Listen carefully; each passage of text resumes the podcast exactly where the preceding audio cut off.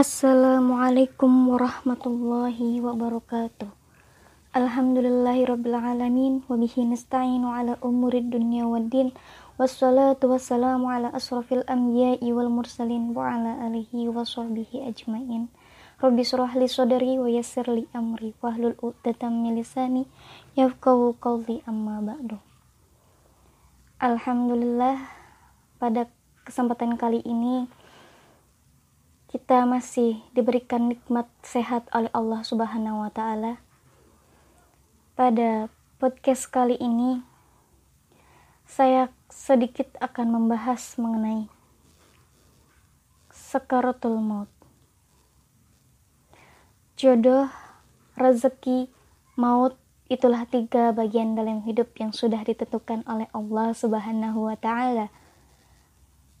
Di sini saya hanya membahas mengenai poin dari ketiga tersebut yaitu maut.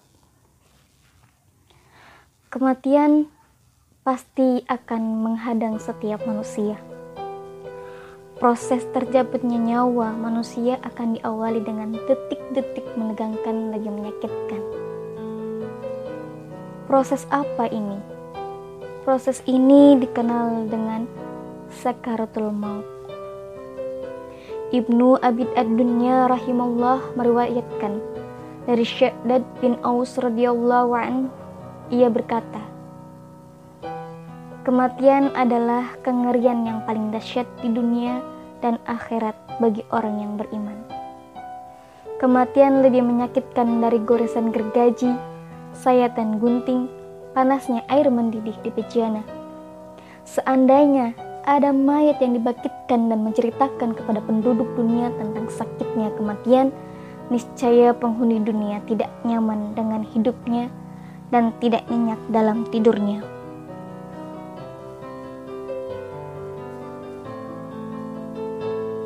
Di antara dalil yang menegaskan terjadinya proses sekaratul maut yang mengiringi perpisahan jasad dengan rohnya, firman Allah Subhanahu wa taala A'udzu billahi minasyaitonir rajim. Bismillahirrahmanirrahim. Tahidu minhu ma kunta dzalika bil haqqi mauti sakaratu waja'at. Dan datanglah sakaratul maut dengan sebenar-benarnya. Itulah yang selalu lari darinya. Surat Qaf ayat 19. Maksud sakaratul maut adalah kedahsyatan tekanan dan himpitan kekuatan kematian yang mengalahkan manusia dan menguasai akal sehatnya. Syekh Sa'di menjelaskan, Allah mengingatkan para hambanya dengan keadaan orang yang akan tercabut nyawanya bahwa ketika ruh sampai pada tarki, yaitu tulang-tulang yang meliputi ujung leher kerongkongan, pada saat itulah penderitaan mulai berat. Ia mencari segala sarana yang dianggap menyebabkan kesembuhan atau kenyamanan. Karena itu Allah berfirman dan dikatakan kepadanya, Siapakah yang akan menyembuhkan? Artinya, siapa yang akan merukyah dari kata rukyah? Pasalnya, mereka telah kehilangan segala terapi umum yang mereka pikirkan, sehingga mereka bergantung kepada terapi ilahi. Namun, kodo dan kodar jika datang dan tiba, maka tidak dapat ditolak. Dan dia yakin bahwa sesungguhnya itulah waktu perpisahan dengan dunia. Dan bertaut betis kiri dengan betis kanan. Apa maksudnya? Maksudnya kesengsaraan jadi satu dan berkumpul. Urusan menjadi berbahaya, penderitaan semakin sulit.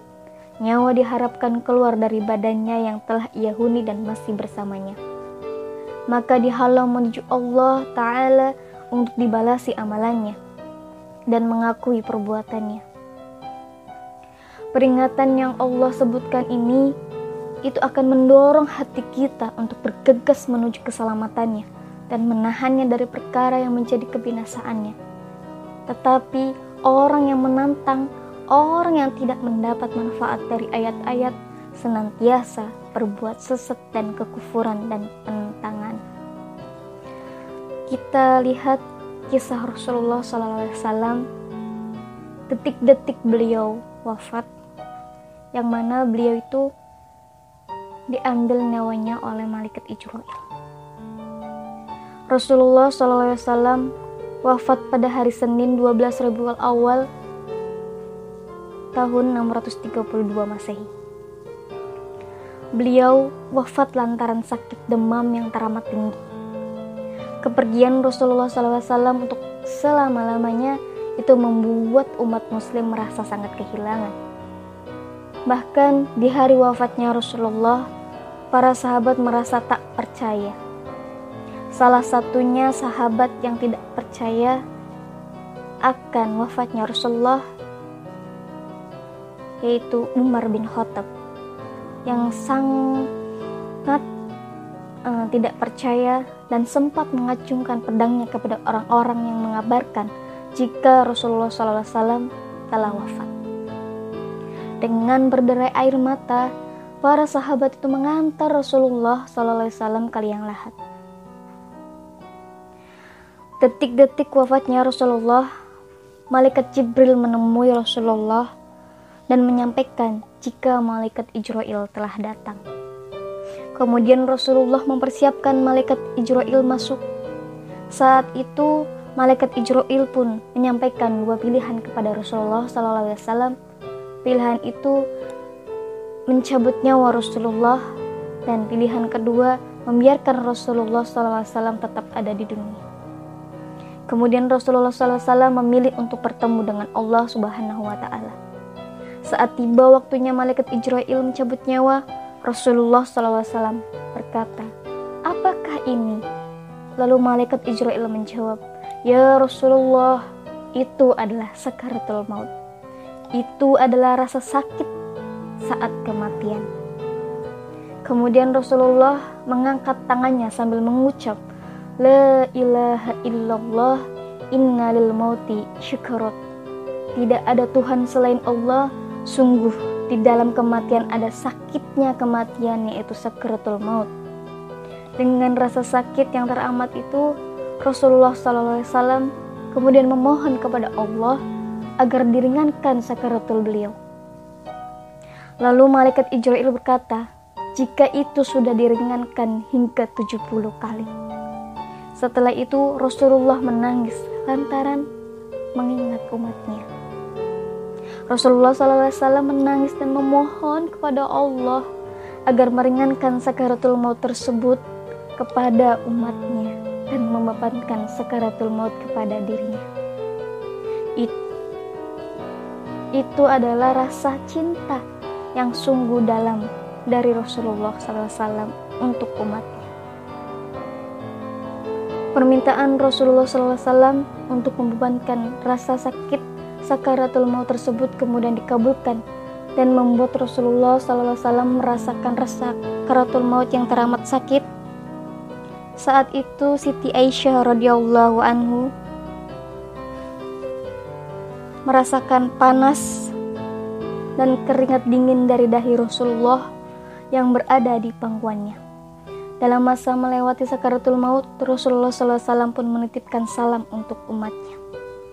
Keringat dingin kembali mengucur dari dahi Rasulullah. Kemudian keringat itu diseka menggunakan tangan Rasulullah sendiri yang dipegang oleh Aisyah.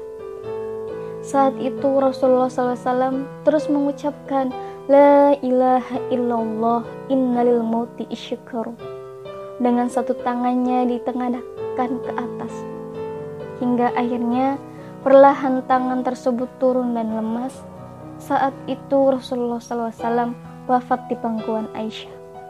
Seluruh Madinah menangis dan tak percaya dengan kabar wafatnya Rasulullah SAW. Air mata seluruh umat tak bisa berbendung.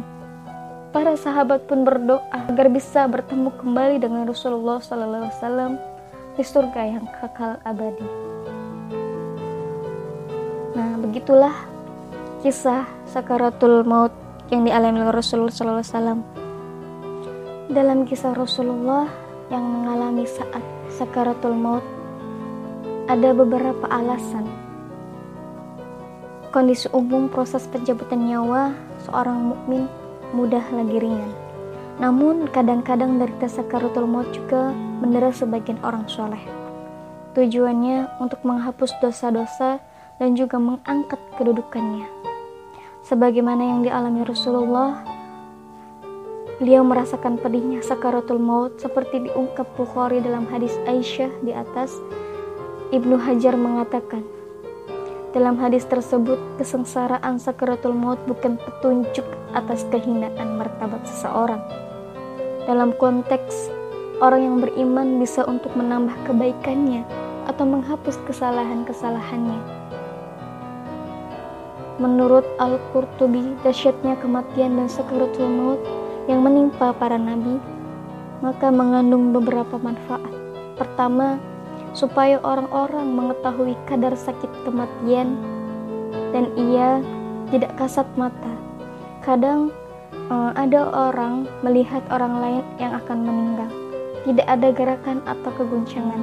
Terlihat roh keluar dengan mudah sehingga ia berpikir perkara ini atau sekaratul maut ini ringan. Ia tidak mengetahui apa yang terjadi pada mayat sebenarnya.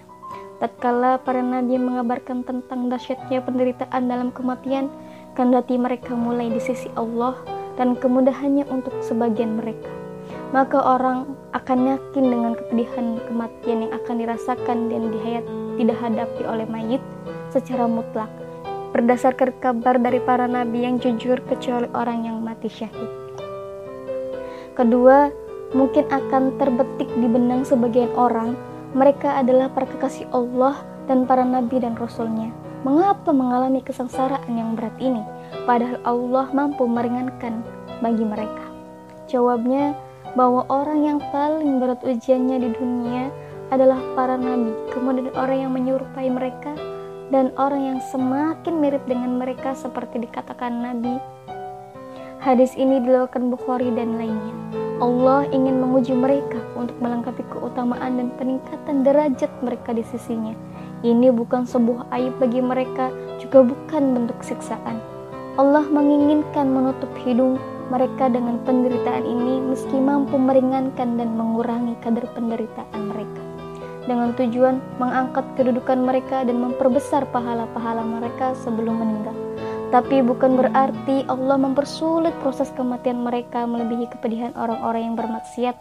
Sebab kepedihan ini adalah hukuman bagi mereka dan sanksi untuk kejahatan mereka, maka tidak bisa disamakan.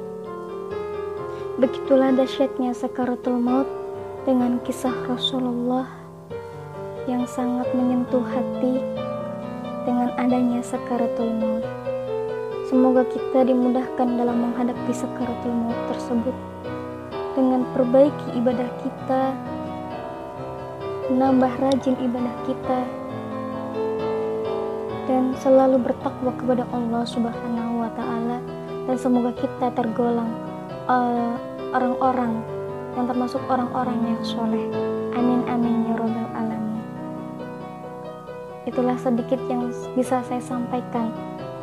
Kurang lebihnya mohon maaf. Wabillahi taufiq wal hidayah. Wassalamualaikum warahmatullahi wabarakatuh.